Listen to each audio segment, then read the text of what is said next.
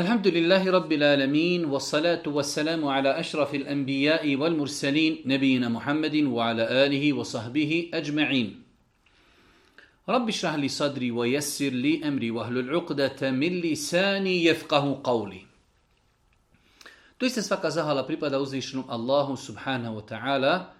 Salavat mir i selam na Allahu poslanika, Allahu miljenika Muhammeda, alihi salatu wa salam, njegovu časnu pozor, porodcu, uzor te ashabe i sve ljude koji slijede put istine sudnjega dana. Uvažena braćo i poštovani sestri, uvaženi gledatelji, evo nas u još jednoj emisiji u kojoj se družimo sa vašim pitanjima, vašim dilemama vezanim za islam. Ako smo dobro brojali, ovo je naša 29. emisija nakon mjeseca Ramazana. Želimo da napomenemo da je doista mnogo, mnogo pitanja koja stižu na naš e-mail, pa se zbog toga unaprijed izvinjavamo svima vama kojima ne uspijemo odgovoriti na vaša pitanja. Prvo pitanje večeras, eselamu alikum, kada se klanjaju, kada se spajaju namazi, znači osobe koje su na putu ili osoba koja je bolesna, pa spaja namaze iz opravdanih razloga, a Nekada se to i dešava da ljudi spajaju namaze kada ih naklanjavaju, iako smo mi kazali da to naklanjavanje nije validno. U svakom slučaju osoba koja spaja namaze, da li će odmah nakon što klanja prvi namaz, da li će zikriti, učiti ajetul kursi i znači ostale zikrove pa klanjati drugi namaz ili će spojiti namaze nakon toga jednom zikriti. Nema potrebe znači da čovjek koji spaja namaze dva puta zikri, čovjek će klanjati jedan namaz, predati selam, učiti i kamet, klanjati drugi namaz, predati selam, nakon toga obaviti onaj naš standardni klasični zikr koji se uči nakon namaza, etul kursi, 33 puta subhanallah, 33 puta Hamda 33 puta Allahu ekber i ostale druge dove koje ljudi uče nakon namaza. Tako da ljudi koji spajaju namaze, samo će jednom zikriti nakon što klanjaju drugi namaz. Jedno malo čudno pitanje, ali htio sam da vas pitam u vezi struje. Većinom kažu da je krađa struje, da krađa struje nije haram iz državi. I tako dalje, malo duže pitanje. Kako Islam gleda na to da čovjek krade od države struju, to jest većina neki ljudi ovog našeg prijatelja e, koje on ima kažu da to nije haram. Mi obrnuto tvrdimo da je strogo zabranjeno varati državu i krasti nešto od države. Čak šta više, u datom momentu nekada je krasti od državi veći grijeh i više je sporno nego krasti od znači e, osobe neke od neke privatne osobe zato što privatna osoba ona će se boriti više za svoja prava za razliku od države koja u dosta slučajeva znači e, nema snagi da može potraživati, istraživati i goniti one ljude koji nešto kradu od državi. Tako da eh, i, ta, i ta struja koju država proizvodi, država ulaže u to da bi proizvela struju. Tako da znači eh, ne plaćati struju ili krasti struju ili varati državu u pogledu toga je neispravno, strogo, haram. Tako da čovjek treba koji je to do sad radio da se pokaje uzvišom Allahu subhanahu i da prekine sa takvom praksom.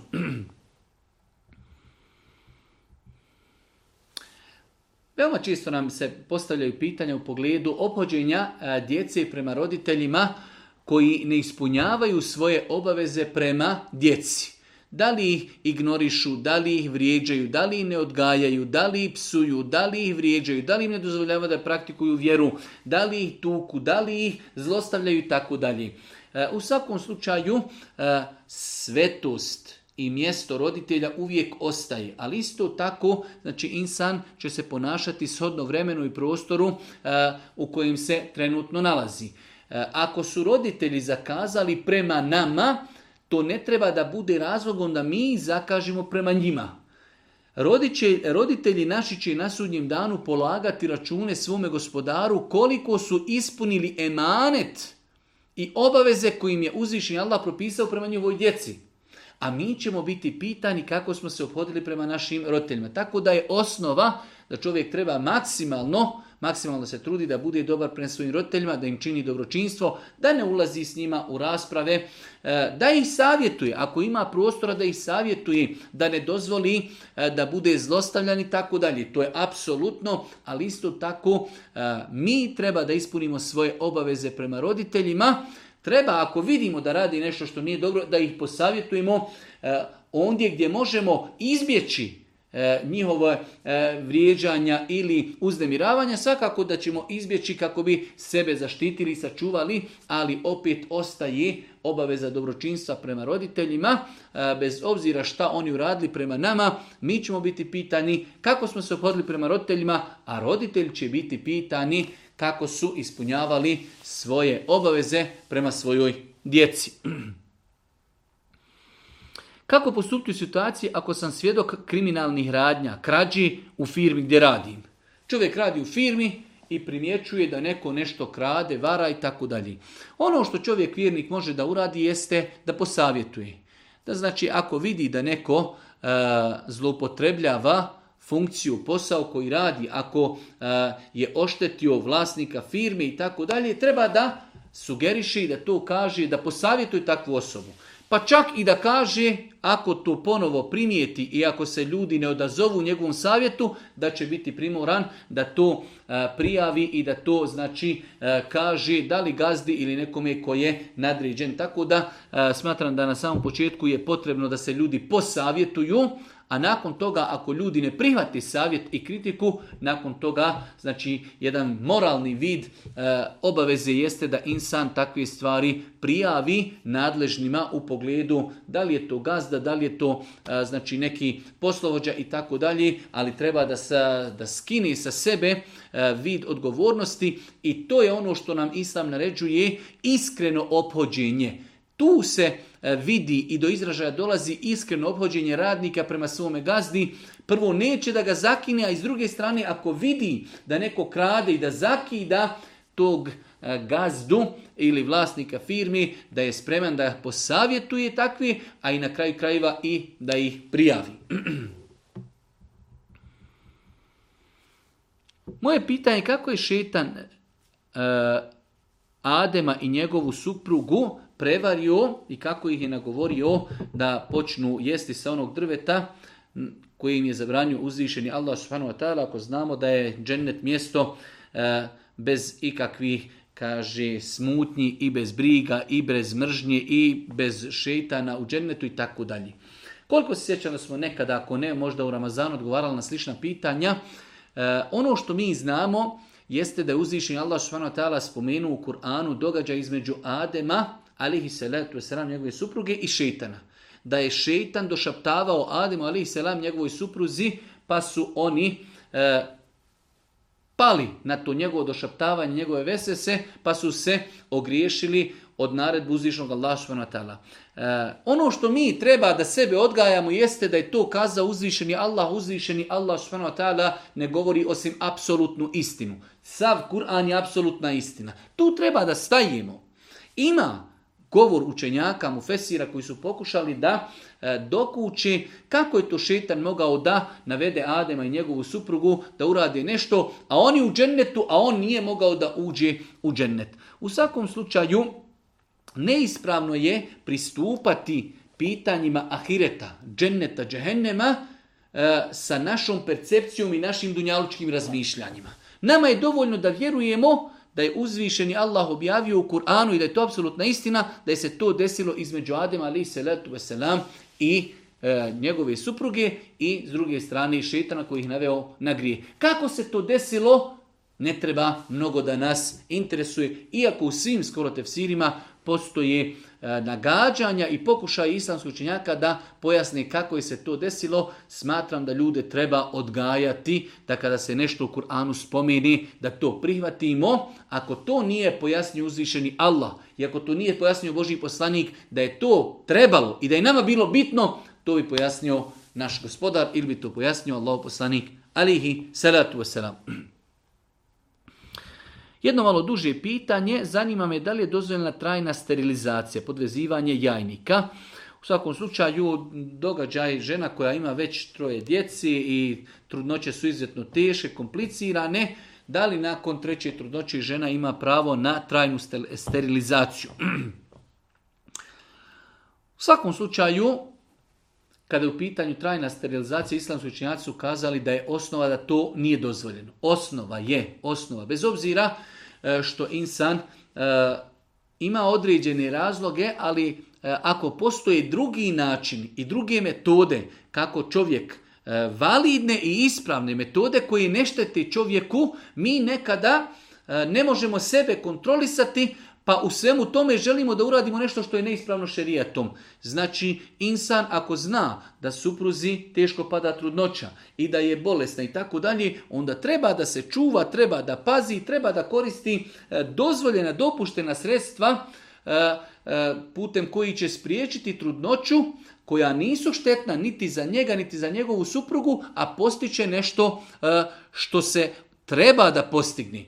Tako da islamski učenjaci su spomenuli da trajna, trajna sterilizacija nije dopuštena, osim ako bi se doista radilo o nekim situacijama gdje bi bio u pitanju život ženi, Možda u takvim nekim iznimnim situacijama, ali tada doista treba znači, nazvati školovanu, učenu osobu i tražiti pojedinačnu fetvu za određenu situaciju, određenu osobu. Ali generalno gledajući, znači ta trajna sterilizacija nije dozvoljena, sve dok imamo neki vid alternativi, druge načine, metode putem kojih se čovjek može čuvati i zaštititi od e, E, na, od trudnoći, odnosno trudnoća koja je mogla nastupiti u budućnosti.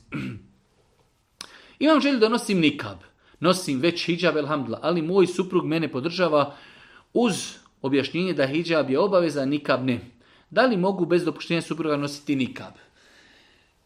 Već nekoliko puta smo u pogledu nikaba odgovarali, ja lično smatram, kada uzmem u obzir vrijeme i situaciju u kojoj mi živimo, e, da u ovakvim situacijama supruga treba da razgovara sa svojim e, mužem i da pokušava e, da dobije njegovu saglasnost i naklonost pa da, hajde da kažemo, počinje nositi nikab uz njegovu saglasnost. Može se desiti da supruga prereži i kaže mužu ja želim da nosim bez obzira, pa to može biti razlogom, ne daj Bože, netrepeljivosti, može biti razlogom svađe, može biti razlogom do te mjeri, jer neki ljudi to doista nisu spremni da prihvati, jer e, nositi nikab doista je čast, ali isto tako i izazov za vrijeme i prostor u kojem čovjek živi. Tako da određeni ljudi nisu spremni da se nose sa tim izazovima. Tako da e, ja lično bi išao u pravcu i savjetujem da se ide u pravcu kroz razgovor znači lijep razgovor da se pokuša dobiti saglasnost muža, da se to ne radi bez njegove saglasnosti. Ne kažem da nije ispravno, ali zbog budućnosti, zbog budućnosti, zbog harmonije, zbog porodice, savjetujem da, to da pokušaju riješiti to pitanje dijalogom.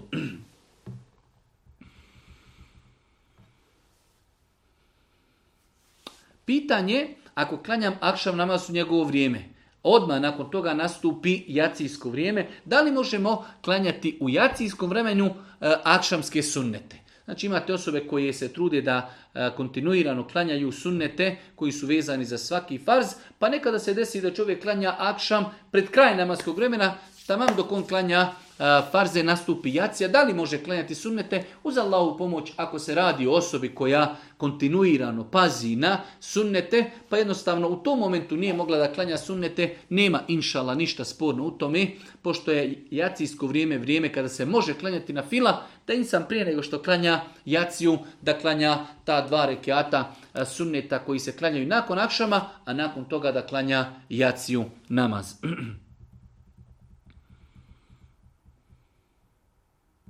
Jedno malo duže pitanje e, od jednog našeg brata koji spominje da mu je otac preselio prije šest mjeseci u Ramazanu. On se nada da je njegov otac, zato što je preselio od zarazne bolesti, da je preselio i da ima nagradu e, šehida. E da on postavlja pitanje, E, šta se može u njegovo ime od dobrih dijela uraditi. Znači šta mi možemo uraditi za našeg mejita nakon njegove smrti. E, govorili smo više puta kroz naša predavanja, kroz naše odgovore e, i kroz, znači pisali smo dosta puta putem Facebooka kada su u pitanju dijela koja mogu uraditi živi, a da korist imaju od njih mrtvi. Prvo dijelo jeste dova. Neprestano da dovimo Allahu subhanahu wa i na seđdi i u našim dovama e, i prije namaza i poslije namaza da dovimo da uzvišnji Allah subhanahu smiluje se našim roditeljima, da im oprosti grije, da ih sačuva kaburskog zaba i tako dalje. Znači prva stvar jeste dova. Druga stvar jeste sadaka, da udjelimo sadaku na njihovo ime. Potvrđeno vjerodostojno hadisima da čovjek ako udjeli sadaku na ime svojih roditelja, da će oni ako Bog da imati nagradu od toga. Isto tako potvrđeno je vjerodostojno hadisima da insan ako nije obavio hađ ili umru, ako njegovi nasljednici ili neko drugi za njega obavi hađ ili umru ili nekoga pošalje kao bedela da za njega obavi hađ i umru, on će od toga ako Bog da imati korist. Ostaje, ostaje ta stvar koja je izuzetno rasprostranjena u našim podima, to je učenje Kur'ana, pa da se nagrada učenja Kur'ana pokloni e, za Medjita. Nije to bila neka praksa e, Selefa, prvih generacija, ali isto tako znači učenjaci poput ibn Tejmije, Rahmetullah, Jalih, Ibn Qajjima i mnogi drugi učenjaci umeta smatrali su da nema u tome ništa loše, analogno svim ovim drugim dijelima koja smo spomenuli, da sam prouči nešto od Kur'ana, ali on prouči, ne da plati nekome da neko prouči i da na kraju nagradu tog učenja koji on trebao da dobije, da tu nagradu pokloni pokloni nekom od svojih E, umrli, e, velik broj učenjaka je smatrao da je to inšallah dozvoljeno raditi, tako da nema smetnje znači uz dovu, uz sadaku, uz hađ, uz umru, da čovjek nešto od Kur'ana i prouči i da nagradu toga e, znači pokloni, pokloni nekom od svojih, pokloni nekom od svojih umrlih. Ako voda treba da ovim sina, pa me zanima muško ime Rajan. Da li je dozvoljeno na time Rejan ili e, Rejan bez dvoje J? Imamo Rejan i Rejan. I jedno i drugo nema nikakve smjetnje da se takva imena daju djeci. Jesam li griješna ako ne mogu da halalim učinjenu nepravdu? Nije insan griješan ako ne može da halali učinjenu nepravdu. Dosta puta mi jesmo takav narod merhametli, pa do te mjeri da mi smatramo nekom je radio nepravdu, e sad, da li sam ja griješan što mu ja ne mogu oprostiti halalti tu njegovu nepravdu? Apsolutno ne. Insan nije griješan. Da li treba uraditi, to se vraća na njega. Ako insan može da to halali, definitivno je to bolje i prioritetniji. Ali ako insan ne može, ne može da se pomiri, nekomu je činio nepravdu i ne želi da mu to halali, da li je čovjek griješan? Nije griješan, čovjek ima potpuno pravo da na sudnjem danu traži svoj hak za znači nepravdu koja mu je učinjena na sudnjem danu i neće zbog toga biti neće zbog toga biti e, kažnjen niti uradio nešto loše čovjek želi poravnanje svojih prava, tako da ako halali, definitivno je bolje, ali ako ne halali, to je njegovo pravo i nije griješan zbog toga što nije halali. Pitanje koje ćemo mi malo rezimirati kaže ljudi koji prije braka imaju vezu takozvano ašikovanje, baš ekstra takozvano ašikovanje, pa u svemu tome imaju neke nesuglasice, pa se posvađaju, pa se vrate, pa se pomire i tako dalje. Nakon toga se vjenčaju i uzmu. Da li te njihove svađe e, mogu se smatrati na nekom stepenu razvoda braka? Ne mogu se smatrati svađe, bez obzira kakve svađe bile E, prije braka, iako samo aškovanje ko aškovanje, mi smo o tome govorili, kako ljudi treba da se upoznavaju za brak. Ne, ne postoji u islamu nešto što se zove ašikovanje, e, sjedenje, vodanje, ljubljenje, hodanje i tako dalje. To u islamu ne postoji, ali evo, imamo situaciju, ljudi su ašikovali godinama, u tim ašikovanja bilo je i svađa, pa prekinu pa se vrati, pa prekinu pa se vrati. Da li je to na nekom stepenu razvoda? Nije. Ne može se desiti razvod prije stupanja u brak. Ovo možemo zapamtiti večeras jedno veliko fiksko pravilo. Ne može se razvod braka desiti dok još supružnici nisu stupili u brak. Kada stupi supružnici u brak, tek tada može doći do razvoda braka, tako da ti neki razmjerce i svađe koji su bile prije braka ne mogu se smatrati razvodom braka. Javio nam se jedan brat, kaže, živim u Njemačkoj, oženjen sam i moja žena je pravoslavni vjeri vjenčali smo se opštinski, ali nismo šerijetski i onda nakon toga malo duže pojašnjenje. U svakom slučaju pitanje je šta uraditi, e, svakako e, da čovjek koji, ako je već odlučio da idem tim putem, da živi sa ženom koja nije muslimanka, treba to ozvaničiti šerijetskim vjenčanjem. Znači, ovdje se radi da je osoba stupila u brak, e, samo se je vjenčala općinski, a ne i šerijetski, a supruga njegova nije muslimanka savjetujemo da takva osoba ozvaniči svoj brak, da ozvaniči svoj brak šerijetskim vjenčanjem sa svim onim uvjetima koji treba da se ispune da bi brak i vjenčanje bilo validno.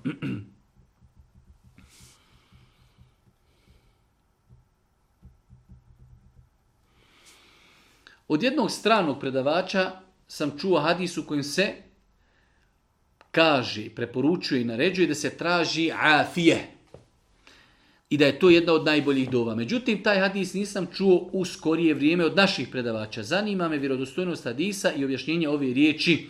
Strani predavač je to pojasnio kao sve dobro, e, sve dobre stvari i kao sve blagodati.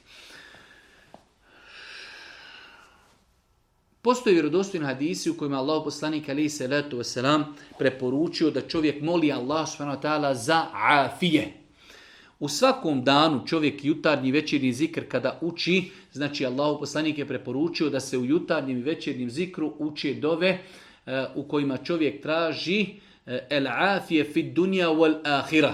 Tražim gospodaru el afije i da na dunjaluku i na ahiretu. Ja konkretno sam taj hadis spominjao kada sam komentarisao e, dove jutarnjeg i večernjeg zikra, konkretno na predavanju broj 2, 27 minuta gdje sam baš govorio o tome da ta riječ afije je veoma je teško prevesti na bosanski jezik zbog njene širine i ne poznajem i danas dan da postoji e, određeni termin koji adekvatno može dati značenje riječi afije. Tako da naše daje, da li su spominjale ovaj hadis kroz svoje predavanja? Apsolutno jesu. To što mi nismo čuli, to je naš problem. E, da li je hadis o traženju afije vjerodostan? Jeste vjerodostan. Hadisi u kojima se e, preporučuje traženje afije i na Dunjalku i na Hiretu su vjerodostojni. Šta je značenje afije? Znači može se prevoditi sa određenim terminima, ali ti termini ne daju pravo značenje. Može značiti blagostanje, može značiti e, krepost, čednost, blagostanje, mir, oprost grijeha i tako dalje. Jednostavno, jedna izuzetno široka riječ, pa je lijepo da čovjek vjernik kako u jutarnjem večernjem zikru, tako i u svojim drugim dovama moli uzvišenog Allaha da mu podari afije. Afije, znači rekli smo da je to jedan izuzetno širok pojam, koji obuhvata e, dobro i dunjaluka, inšala i dobro ahireta. Da li je dozvoljeno ili zabranjeno davati takozvana naša muslimanska imena životinjama? U ovom slučaju se radi o mački. Da li čovjek može mački dati ime? Nema smetnji s aspekta islama znači nema smetnje da se životinji da ime. Čak e, određene jahalice koje je Allah poslanik ali se letu jahao i imao njegovo privatno vlasništvo su bile, imale su svoja imena. Tako da nema smetnje da se životinjama daju imena, makar ta imena kao i bila neka imena koja koriste muslimani, e, s tim što treba paziti da se ne daju imena E, poslanika, ashaba, učenjaka e, i, imena za koji se vezuju određene, hajde da kažemo, e, vjerske stvari ili određena vjerska, određeni vjerski autoriteti, tako da takve stvari treba izbjegavati. U protivnom znači dati neko ime nekoj od životinja nije sporno, tako su kazali islamski učenjaci u svojim fetvama. U braku sam 11 godina, žena je na, žena me je prevarila, učinila nemoral, pošto je ovo malo vjerojatno makedonski ili nešto slično tome.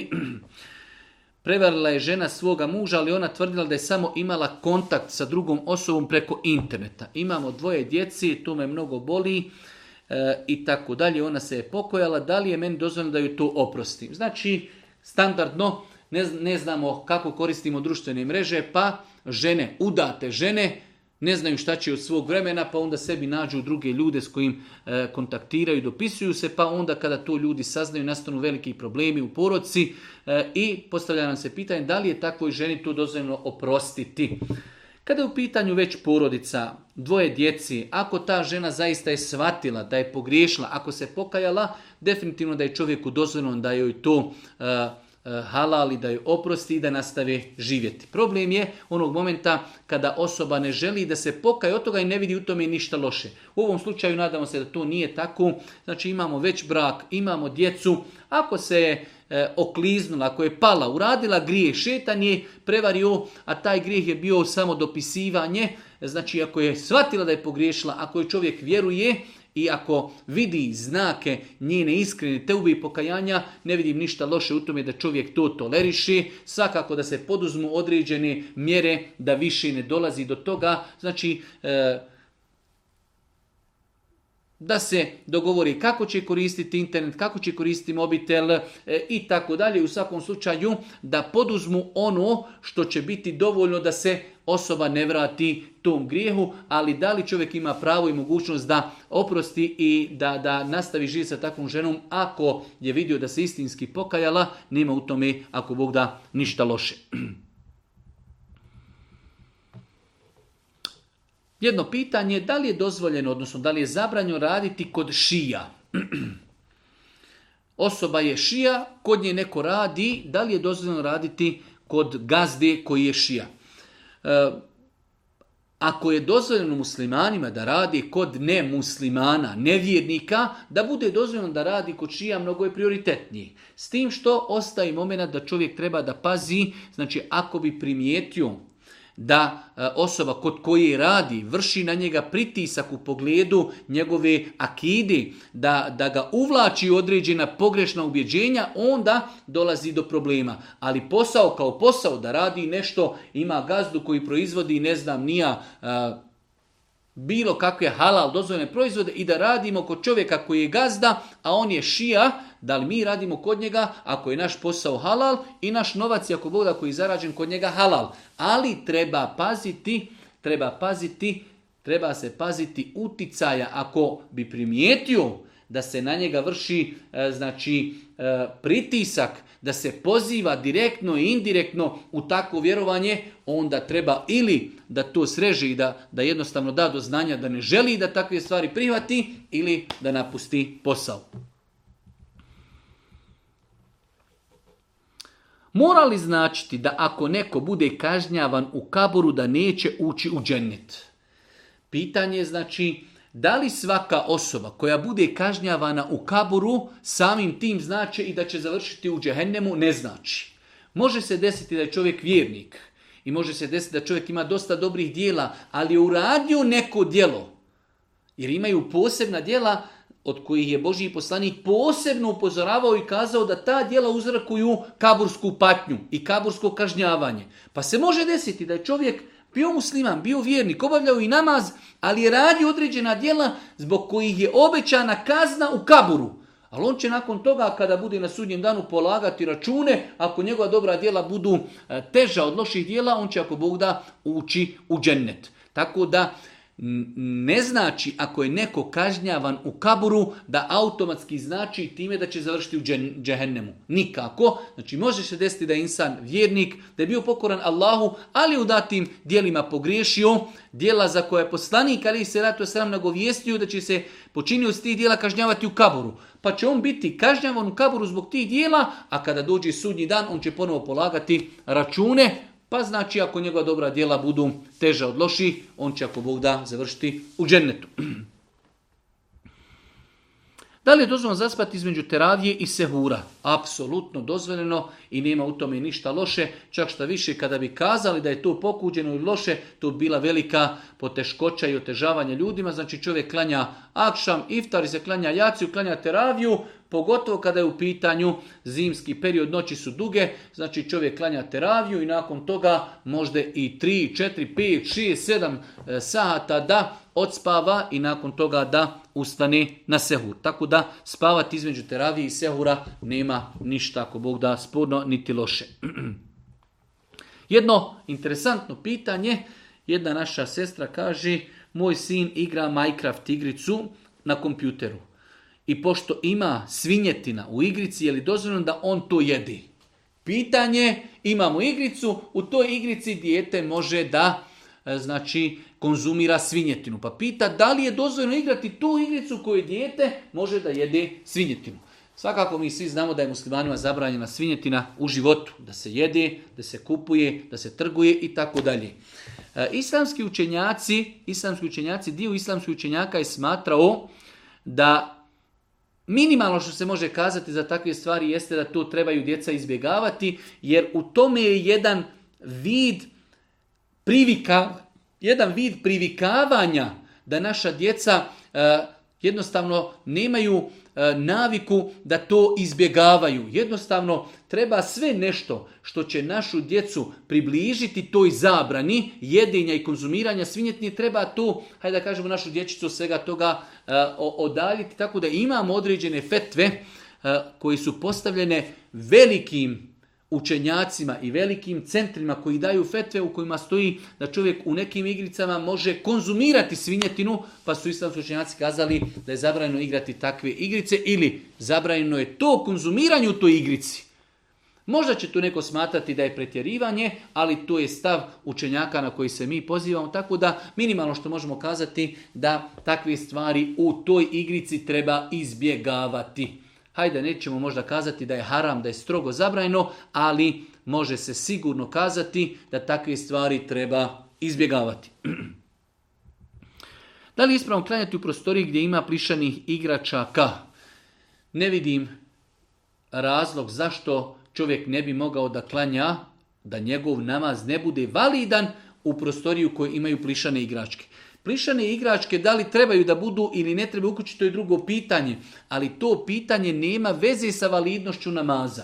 Mi smo govorili nekada o tim nekim igračkama koje imaju likove e, živih bića, kao lutke i tako dalje i slične stvari. E, ko želi da čuje odgovor o to, neka se vrati na arhivu naših predavanja, ali mi ovdje govorimo da li je validan namaz u prostoriju koji imaju plišane igračke ne postoji razlika, razlog zašto mi kazali da namaz u takvoj prostoriji ne bude validan.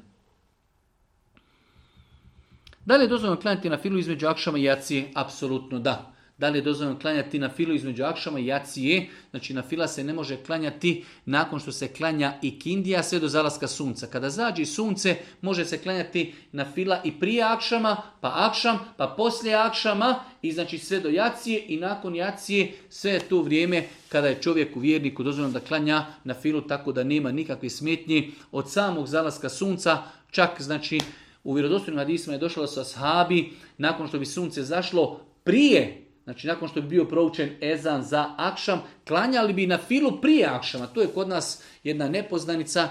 Znači, Allah poslanik bi vidio ashabe da nakon što bude proučen ezan za akšam, da klanjaju na filu prije farza i Allah poslanik ali se ratu im to nije osporio, čak šta više u nekim hadisma, hadisma je kazao klanjajte prije akšama, klanjajte prije akšama, neka klanja ako hoće. Tako da, znači, nema smetnje klanjati na filu prije akšama, pa klanjamo farze, pa klanjamo na filu poslije akšama i sve do vrijeme u kojem se može klanjati općana fila. Jedno pitanje, gledala sam pitanje odgovore broj 28 gdje kažete da smatrate da abdest nije obaveza kada se čita Kur'an, u Musafa. Možete li pojasniti na šta se odnosi ajet gdje uzvišenje Allah kaže dodirnuti ga mogu samo oni koji su čisti sure El Vakija. Da, ja jesam stava da ne postoji jasan dokaz koji nas obavezuje da imamo abdest prilikom doticanja mushafa. Četiri mezheba su smatrala da čovjek koji želi da dotakne mushaf mora biti pod abdestom. Postoje argumenti koji ili su jasni, ali postoji razilaženje kod učenjaka da li su vjerodostojni ili su vjerodostojni, ali nisu jasni. Jedan od dokaza na koji se pozivaju mezhebi jeste i ovaj ajet iz suri eh, El-Waqia la yamassuhu illa al-mutahharun. Ali Allah najbolje zna, kao što kažu islamski učenjaci drugi, da se ovdje misli na lauhi mahfuz. Jer Allah u eh, ajetu kaže on je zaista Kur'an plemeniti u knjizi brižno čuvanoj. Dodirnuti ga smiju samo oni koji su čisti. Pa se ova zamjenica dodirnuti ga, ga, vraća na levhi mahfuz. To je jedno veliko pravilo u arapskom jeziku da se zamjenica vraća na najbližu moguću stvar prethodno spomenutu. Zadnja stvar koja je spomenuta prije ovog ajeta dodirnuti ga smiju samo oni koji su čisti, govori se o knjizi Leuhi Mahfuz u kojoj je zapisana sva sudbina ljudi do sudnjeg dana. Allah govori o toj knjizi, nakon nje kaže ne smiju dotaknuti tu knjigu osim oni koji su čisti. Pa je znači jedan od odgovora kako satiti ovaj koranski ajet iz sure El Waqia da se to, taj ajet ne odnosi ušte na Kur'an. Pa smo rekli ajet je vjerodostojan, definitivno, ali na šta se odnosi? Odnosi se na Leuhi i Mahfuz. Druga stvar, s aspekta jezičkog, kaže se ovdje La je mesuhu al mutahe. Sa slovom he. Mutaherun. U drugom ajetu suri Al-Bekar Allah Đeršan kaže Inna Allah yuhibbu tawabine wa yuhibbu al-mutahhirin. Mutahhirin. A ovdje je došlo mutaherun. Pa apsolutno to su dva različita termina. Osoba koja sebe čisti, uzima abdest je mutahirin sa slovom hi. Dok ovdje mutahirun je drugi pojam, odnosi se na meleke koji su čisti, čisti i tjelesno, ali su čisti od bilo kakve nepokornosti prema uzvišenom Allahu subhanahu wa ta'ala. Tako da, znači sa više aspekata, Ibnul Qajim i drugi učenjaci su govorili o tome da ovaj ajet ne ukazuje na obaveznost abdesta prilikom doticanja mushafa. Tako da, e, da, velik broj ovaj ajet koristi e, dokazuju da je obaveza imati abdest prilikom e, doticanja mushafa, ali smo rekli da znači to njihovo dokazivanje nije validno i nije potpuno, a mi se pomirujemo s time da je to bio njihov dokaz, ali ne prihvatimo, ne prihvatamo način dokazivanja. Čovjek je preselio od korone, klanjao je pet vakata namaza, da li možemo očekivati od njega da ima nagradu šehida? Dio islamskih učenjaka savremenog doba smatrao je, pošto je Allah poslanik spomenuo u vjerodostojnim hadisima da osoba koja umri od kugi, zarazne bolesti, da ima stepen šehida na sudnjem danu, velik dio, velik dio učenjaka savremenog doba smatrao je da korona potpada pod ove hadise. Ne mora značiti da su to svi smatrali, mi se nadamo, Allah te molimo da oni ljudi koji su imali predispozicije, koji su vjerovali u Allaha, koji su bili pokorni, koji su klanjali namaz, a umrli su od koroni. Allaha molimo, njegova milost je velika, njegov rahmet je e, velik da tim ljudima podari stepen, stepen šehida. Čudno pitanje, može li musliman biti nevjernik? Može li musliman biti nevjernik? u isto vrijeme biti i musliman i nevjernik ne može. Ali može biti musliman pa postati nevjernik. I te kako. Nažalost, velik broj ljudi, pogotovo našim podneblju, misli ako sam se rodio kao musliman od mami Fatime i od oca Hasana ili Huse ili ne znam nije neko drugo ime, samim tim ja idem ako Bog da garantovano u džennet što nije ispravno. Čovjek se može roditi musliman, može primiti islam, nakon toga može uraditi djelo zbog kojeg će postati murted i ostati, postati otpadnik od vjere, znači djelo koje ga izvodi iz vjere Islama. Tako da, znači, ako je pitanje, može li, kaže musliman biti nevjernik. U isto vrijeme ne može biti musliman i nevjernik. Ako je musliman, onda vjeruje. ako je nevjernik, onda nije musliman. Ali ako se pitanje odnosi da li čovjek može biti musliman, pa nakon toga postati nevjernik, apsolutno da. Postoji u knjigama islamskog prava poglavlje poglavlje otpadništva. Čovjek može biti musliman pa uraditi djela zbog kojih ga proglasi otpadnikom od islama. Svakako proglašavanje ljudi nevjernicima, proglašavanje ljudi e, otpadnicima, pogotovo proglašavanje jedinki. Za određeno smo kažemo, e, ovo je nevjernik, to je posao velikih učenjaka i velikih kadija. Ali da li čovjek može nakon što je bio musliman počiniti određeno djelo zbog kojih će biti otpadnik od islama, apsolutno da može, zato je naš poziv svima nama da se edukujemo, da čitamo, da e, imamo prevedena, elhamdulillah, zasebna dijela, knjige koji nam govori o tome koja su to dijela koja čovjek ne smije raditi, jer su to dijela koja izvode insana iz islama, takozvani neuakedul imani wal islam, dijela koja čovjeka izvode iz vjeri islama, tako da vjernik treba da se poduči takvim stvarima, i da ih izbjevava maksimalno e, u svakodnevnom životu. A isto tako i ako vidimo da je neko uradio određeno djelo, određeno djelo koje izvodi izvjerije, trebamo paziti i da se ne poigravamo u proglašavanju ljudi nevjernicima, jer nije isto uraditi dijelo nevjerstva i biti nevjernik. Nažalost, velik broj omladini koja se poigrava sa pitanjem tekfira i proglašavanjem pojedinaca nevjernicima ne razumije ovo osnovno pitanje ne znači da svako ko uradi dijelo nevjerstva i kufra, a bio je musliman, da je postao nevjernik. Ne znači. Može biti, ali ne znači. Zato se te stvari, opasne i krupne stvari, proglašavanje pojedinaca nevjernicima ostavlja velikim učenjacima. Naime, otkako sam počeo klanjati i pustio bradu, počele su i oni razne situacije. Jednom prilikom pita me, mama sine, jesi li to postao vehabija? Ode u prodavnicu, radnica kaže kakva je to bradica, je to vehabija i tako dalje.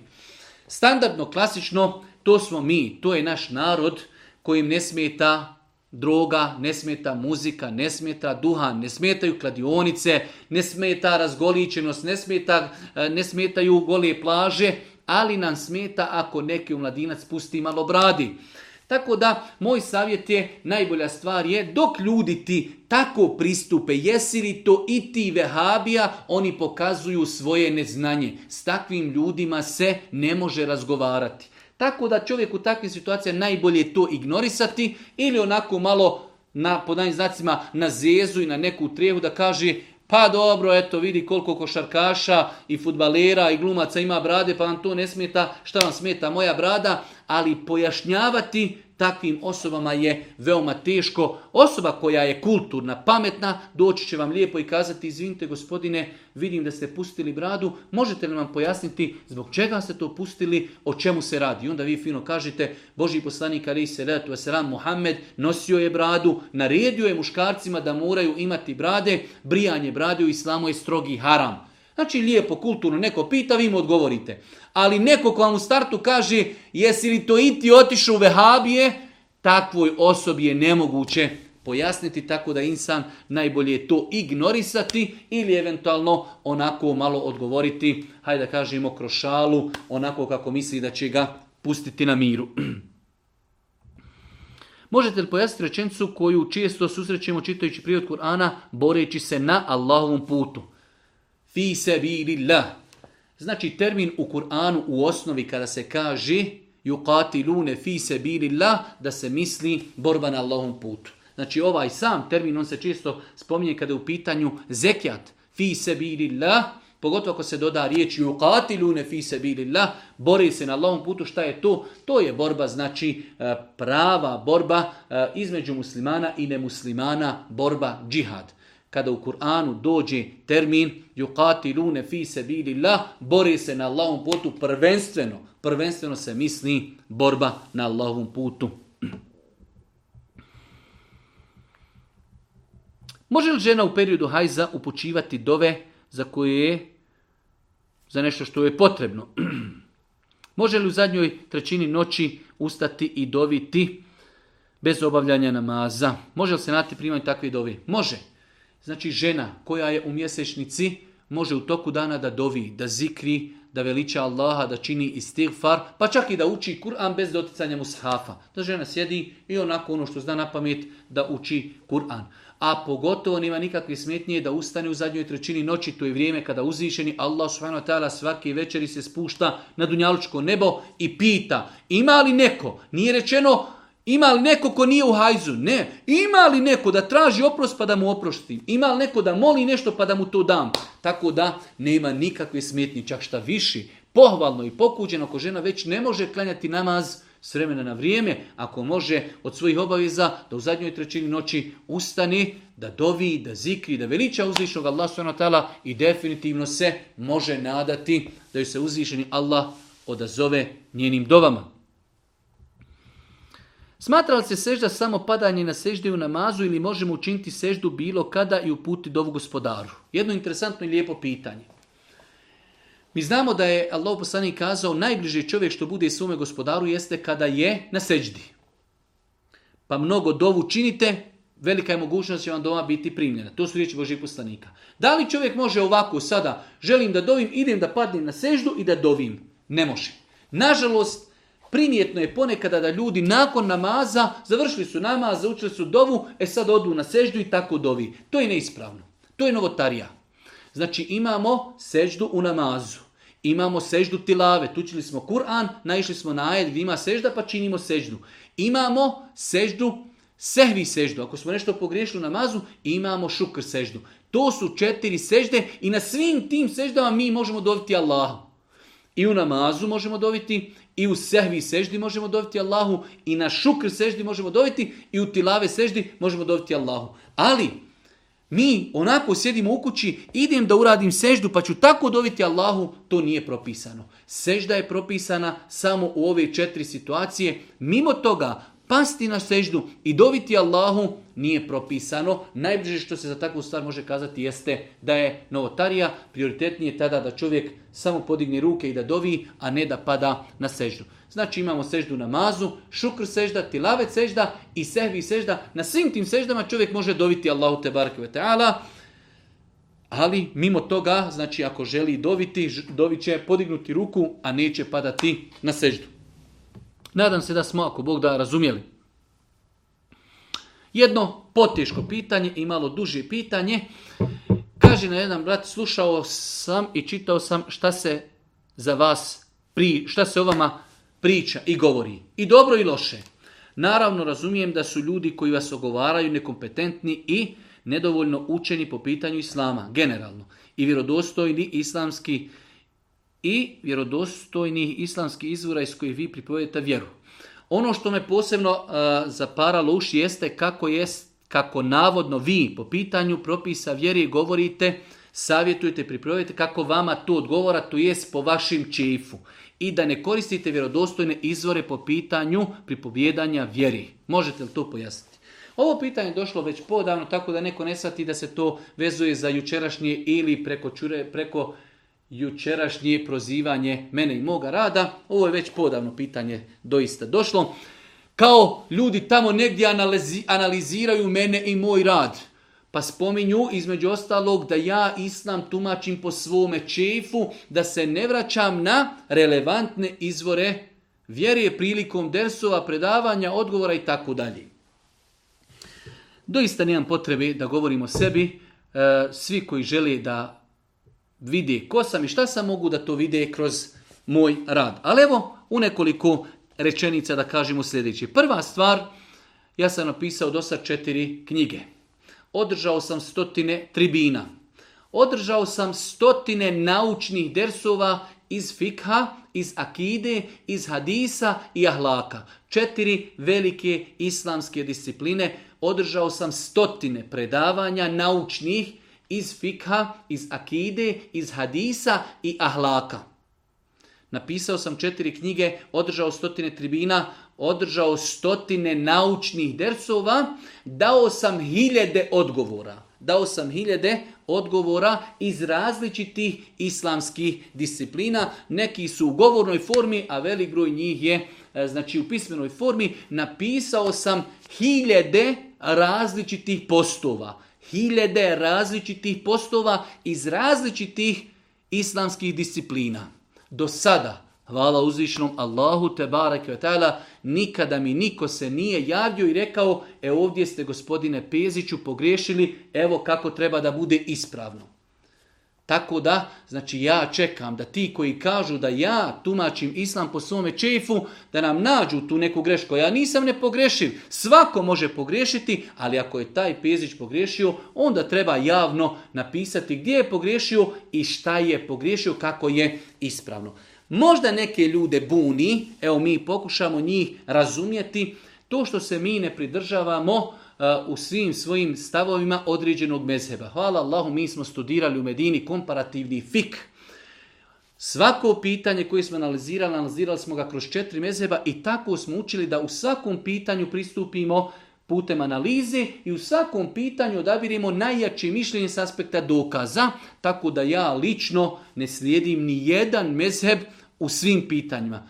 Analiziram svako pitanje detaljno i u svakom mesebu uzimam ono za što mislim da imaju najjači dokazi. Čak kao što je pitanje doticanja mushafa, sve četiri meseba su smatrali da je to zabranjeno rati bez abdesta. Ja sam odabrao mišljenje učenjaka koji smatraju da je to dopušteno opet s aspekta analize dokaza.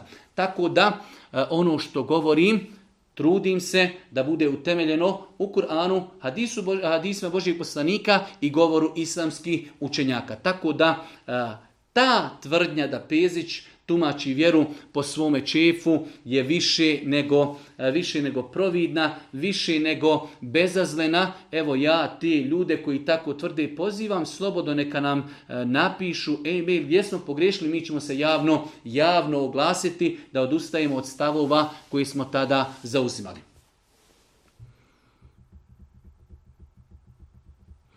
E, pitanje, malo duže pitanje, a to je E, ako bi žena radila, žena ako radi, svakako da na taj način e, ona nema mogućnost da se posvjeti djeci i svome mužu onoliko koliko bi se posvjetila kada ne bi radila. To je znači stvar oko koje ne treba da razgovaramo. Žena koja ima 8 sati dnevno koja radi definitivno neće moći urediti kuću i svoju djecu i obaveze prema mužu kao žena koja ne radi. E sada, da li muž ima pravo, pošto je jedan od uvjeta da bi žena mogla raditi, jeste da posao bude halal, dopušten, tako dalje, između ostalog da ima saglasnost svoga muža. Dobro, da li muž ima pravo da kaže ženi, vidi, ti kada budeš radila, moja određena prava će biti zakinuta. Ja dolazim kući, ti još nisi došla kući. Kuća nije čista, nije hrana spremljena i tako dalje. Da li ima muž pravo da dio plati traži od supruge kako bi oni zajedno finansirali određene e, potrebe njihove poruci? Ima muž to pravo. Žena ako prihvati treba da to poštuje. Ako ne prihvati, onda možda muž neće ni dozvoliti da radi. Znači, u islamu. Tako nam kažu islamski učenjaci, žena da bi radila izvan kuće treba da ima saglasnost muža. Da li muž ima pravo da kaže ženi 10% od tvoje plate će ići da platimo struju, vodu i tako dalje. Ima li muž pravo? Ima, zato što su u datom momentu zakinuta njegova prava, pa on želi da to kompenzira da zajednički finansiraju određene poročne troškove. Ako to žena prihvati, kaže dobro, ja ću tako raditi, i tako ćemo se i ponašati, treba da ispuni ono što su se treba da ispuni ono što su se dogovorili. Pitanje Zanima kada dolazi punica u goste kod zeta, koliko je po islamu dozvoljeno da ostane. Mislim da te stvari E, treba vezivati za običaj i za potrebu. Nekada je potrebno, ako se žena primjer radi porodila, potrebno da joj možda majka od, kod nje ostane i 7, 10, 15 dana pa čak i viši. Znači, shodno vremenu i prostoru i potrebi, e, ne bi to trebalo e, vezivati dan, dva, jedan, tri i da mi kažemo, e, evo, gotovo je sad vrijeme. Znači, jednostavno, trebali bi graditi odnosne između nas i naše punici i našeg punca na nivo da oni tu boravi koliko misli da je dobro, koliko ima potrebi. jednostavno koliko nas ili zeta i svoju čirku neće opteretiti, znači onoliko kako će biti obostrano svi zadovoljni. Ne postoji, koliko mi je poznato, određen dokaz koji u islamu ograničava koliko punica i punac kada dođu kod svoga zeta mogu da proborave. Mislim da to više treba vezivati za običaj i za potrebu. Nekada je potreba da punac i punca zaista trebaju doći i proboraviti možda i, i desetine dana, pa i možda i mjesece. A isto tako, znači, e, to pitanje se vezuje e, za vezu djeteta. Neke žene jednostavno mogu su vezane za svoga oca, za svoju majku i voli da im roditelj dođu, dođu često. Tako da sve te stvari treba, treba uzeti u obzir prilikom davanja odgovora na ovo pitanje.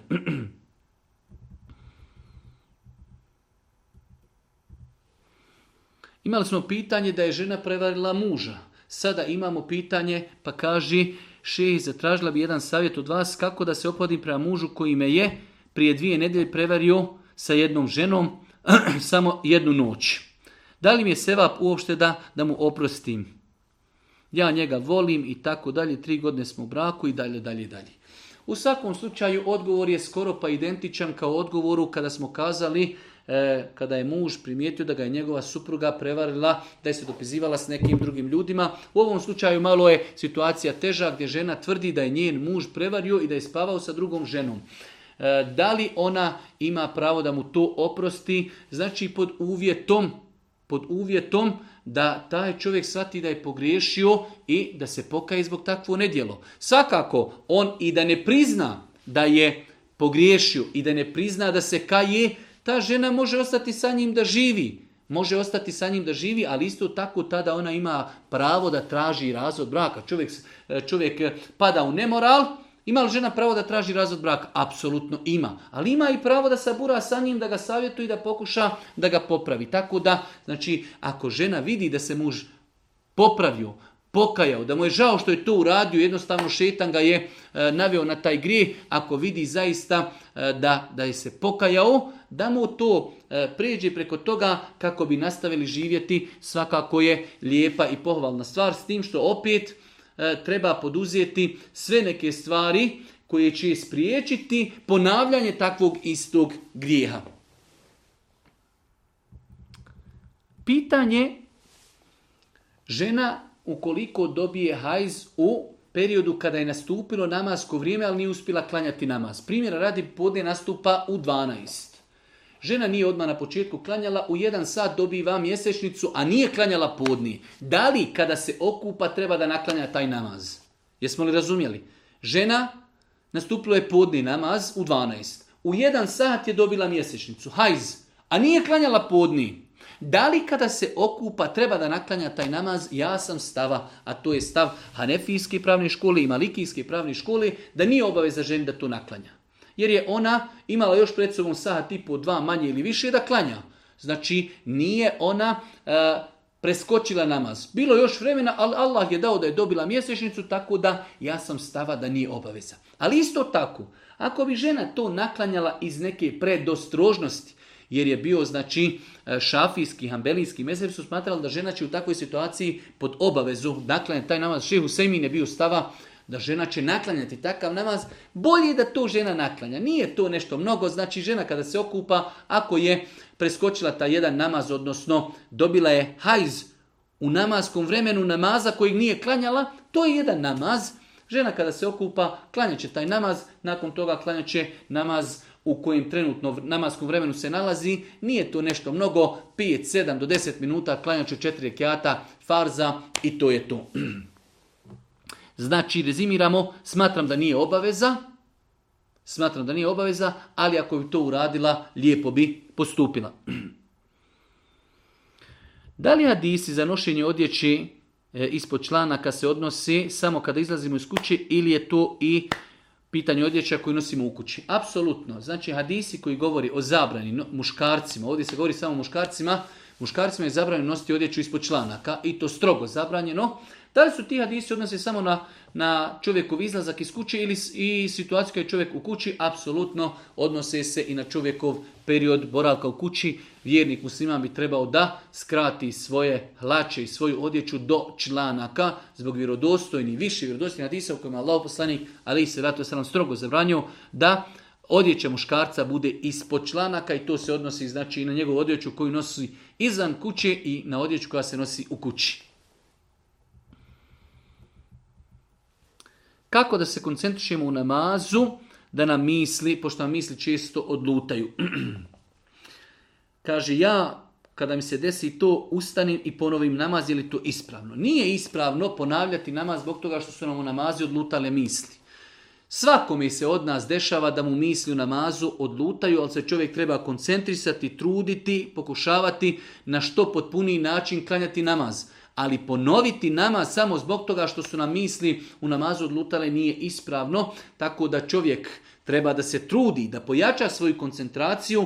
Moj savjet je da e, nađite knjigu Namaz radostoka stoka moga, e, treće poglavlje govori samo o tome, o praktičnim metodama kako jačati koncentraciju u namazu, e, ali ako bi se desilo da čovjek klanjao je namaz, a njegove misli su u namazu šetale i nije se mogao koncentrisati, neće čovjek takav namaz ponavljati. Čovjek je pitao u firmi da klanja, pa mu oni nisu dozvolili. On to klanja i krije se kada klanja, da li je njegov namaz validan. Namaz kao namaz je validan. E sada, kako će čovjek opravdati minute koje nije radio, proveo je u namazu, to je druga stvar. Kako će se opoti prema njima, ako mu to saznaju, to je njegova stvar. Ali da li je namaz validan? Apsolutno validan. Čovjek dođe, znači pita gazdu mogli li klanjati, mu kaže ne može. Čovjek nakon toga ode negdje, sakrije se i klanja. Da li mu je namaz validan? Apsolutno validan. Kako će on to regulisati minute vremena koje je potrošio dok je klanjao namaz, to je njegovo pitanje. Kako će se obhoditi prema njima ako mu zato saznaju, to je njegovo pitanje. Mi govorimo je li namaz validan? Namaz je apsolutno validan. Pitanje Jedno duže pitanje, mi smo ga citirali s jednim razlogom, žena je rodila djevojčicu i zaklala je dvije ovce kao akiku za tu djevojčicu. Onda je došao neko ko važi u toj poroci kao veliki vjernik i kazao je da su napravili veliku grešku što su zaklali dvije ovce jer jedna ovca ide za žensko, pa se onda taj insan u toj svojoj radosti i želji, veselju mora sekirati što mu je neko rekao da je napravio veliku grešku što je zaklao dvije ovce. Pitanje. Da li je sporno zaklati za žensko dijete dvije ovce? Nije sporno zaklati za žensko dijete dvije ovce. Čak imaju neki hadisi koji govori o tome, iako je sunnet da se za muško dijete zakolju dvije ovce, a za žensko jedna. Ali ako se zakolju i dvije ovce, nikakav prekršaj se nije napravio i nikakav grije. Pogledajte kako se ljudi, miješajući se tamo gdje nisu kompetentni, mogu napraviti ljudima probleme. Žena porodila se umjesto da uživa u sreći i zadovoljstvu, ona se sekira jer je došao neko i kazao da je napravila veliki prijestup, da su klanjali, zaklali dvije ovce, a trebali su jednu. Pa se čuvajte da govorite o vjeri ono što ne znate.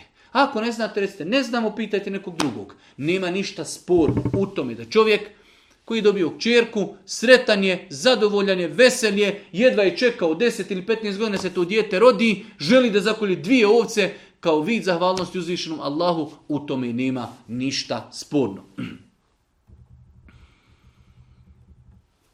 Pitanje, slično prethodnom, žena kaže, na rukju sam, na rukiju su mi ustanovili da imam sihr, vezano za ljubav. Rečeno mi je da nikada više ni s kim neću biti sretna ni uspješna. Pitanje je mnogo duže, ja sam samo zbog ovoga citirao. Žena je otišla na rukju, rekli su joj da ima sihr i to je sihr ljubavi, ali što je gori od svega toga, rekli su joj nikada više u životu nećeš biti sretna niskim u životu. Baš bi volio da znam ko je taj liječnik koji ovako pesimistično pristupa ovim pitanja. Prva stvar to je greška. Govoriti o gajbu. Otkud čovjek da zna da neću ja nikada biti sretan niskim u životu. To je haram. Haram je reći ovakve riječi da čovjek kaže osobi ti nikad u životu neš biti sretan. Kako zna? Otkud zna? Nažalost, nerijetko se dešava da ljudi koji se bave liječenjem e, rukije govore ovakve stvari gdje pesimistično pristupaju, prva stvar greška je reći nećeš biti sretan, to je petljanje u Božji. Uzvišeni samo Allah zna gajb i budućnost. S druge strane, tamam i da je žena bolesna, treba da joj otvorimo vrata optimizma. Pa nije to ništa opasno, treba da se pridržavaš vjeri, uči zikrove, ako Bog da bit će to dobro i uz Allahu pomoć uspjećeš i tako dalje.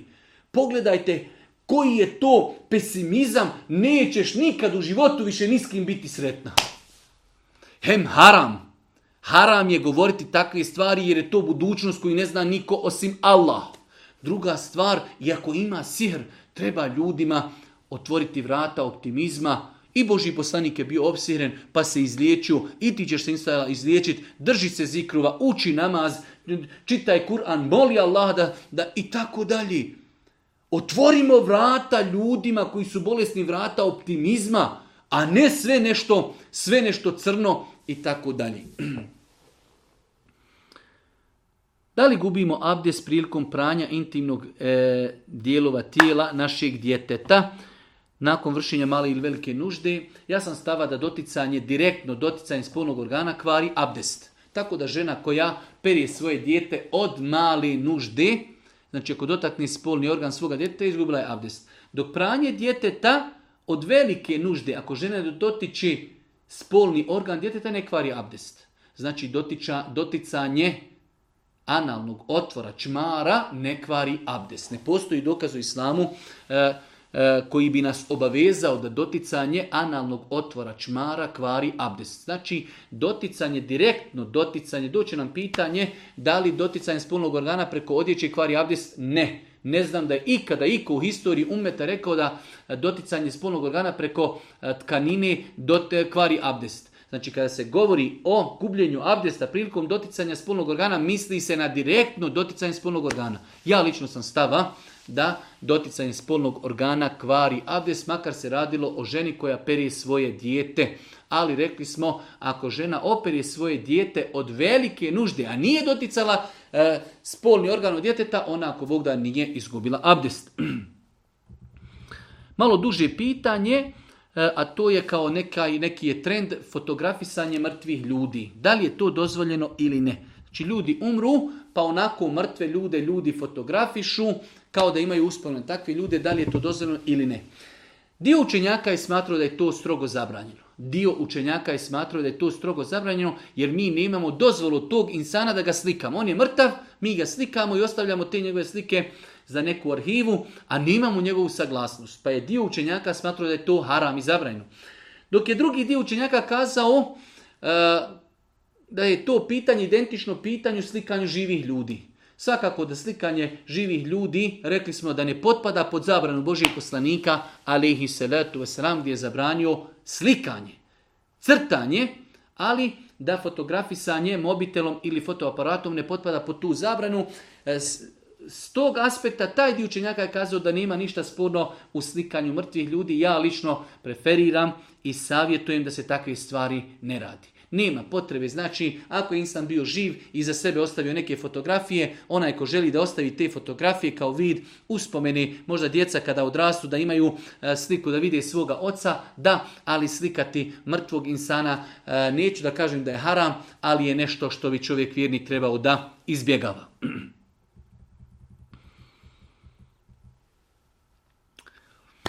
Nedavno smo imali kao neku savjet, doista savjet i, i e, javljanje jedne osobe koja nam kaže da bi trebali na ovakvim našim emisijama da izbjegavamo pitanja o kojima se spominju određene stvari vezane za intimni kontakt i tako dalje.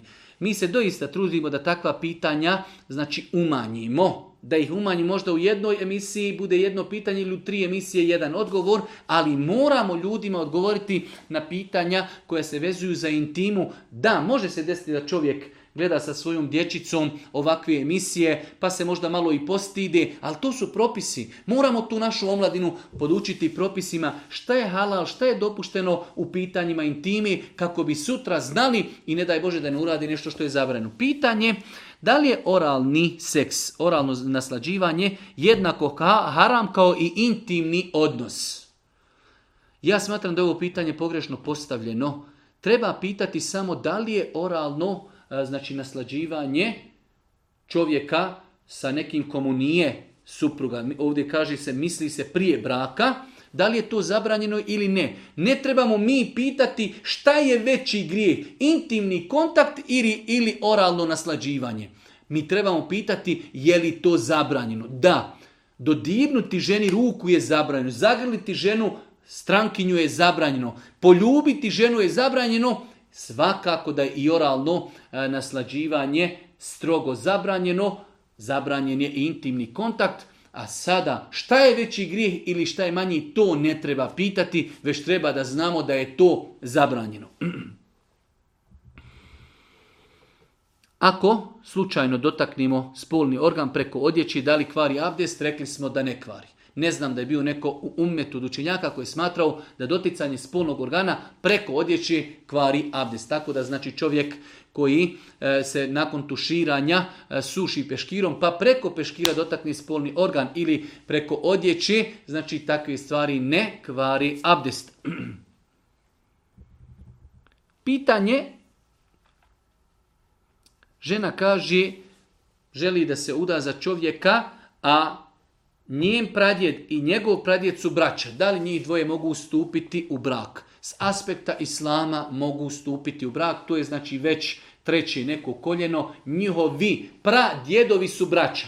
Njihovi pradjedovi su braća. S aspekta islama nema ništa sporno da oni stupe u brak s aspekta islama. Sada, podneblje, roditelji, saglasnost staratelja, to je druga stvar. Kako će tu rat i hoće li tu rat, to je druga stvar. S aspekta islama Islam to ne smatra zabranjenim. U datom momentu neke stvari koje su u islamu nisu zabranjene, ne mora znaš da ih trebamo i uraditi. Zato smo rekli, razlika je, dozvoljeno je tu djevojku da taj momak oženi, jer su njihovi pradjedovi bili braća. Da li će to oni uraditi ili neće, da li će im roditelj to dozvoliti ili neće, to je drugo pitanje. Kako će to izvest, to je njihovo pitanje.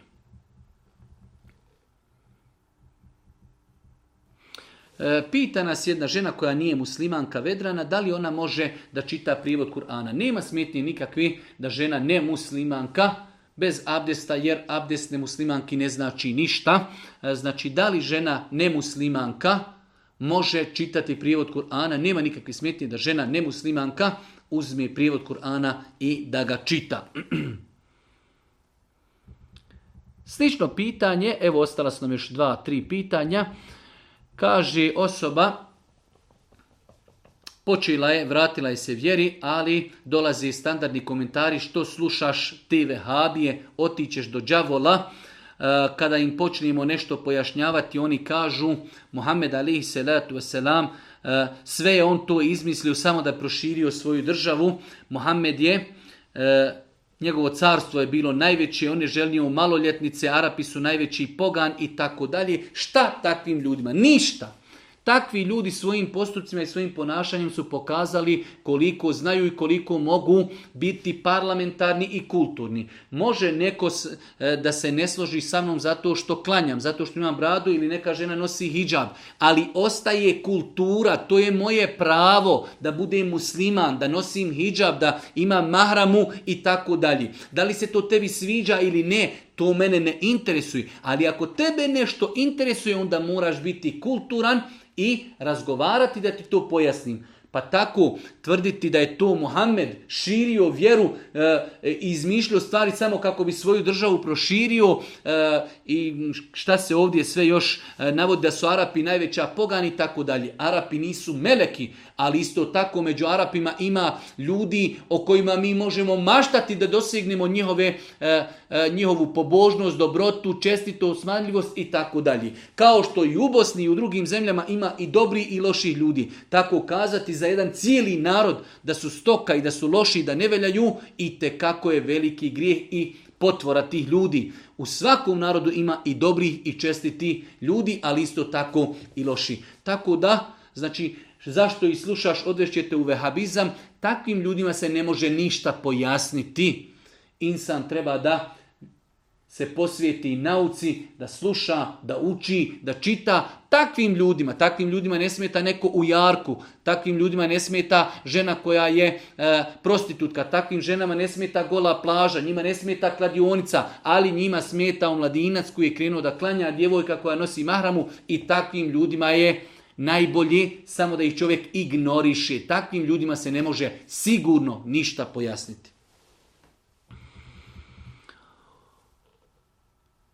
Da li će osoba koja je u kaburu biti kažnjena zbog gozbi poslije dženazije, učenja jasina i tako dalje?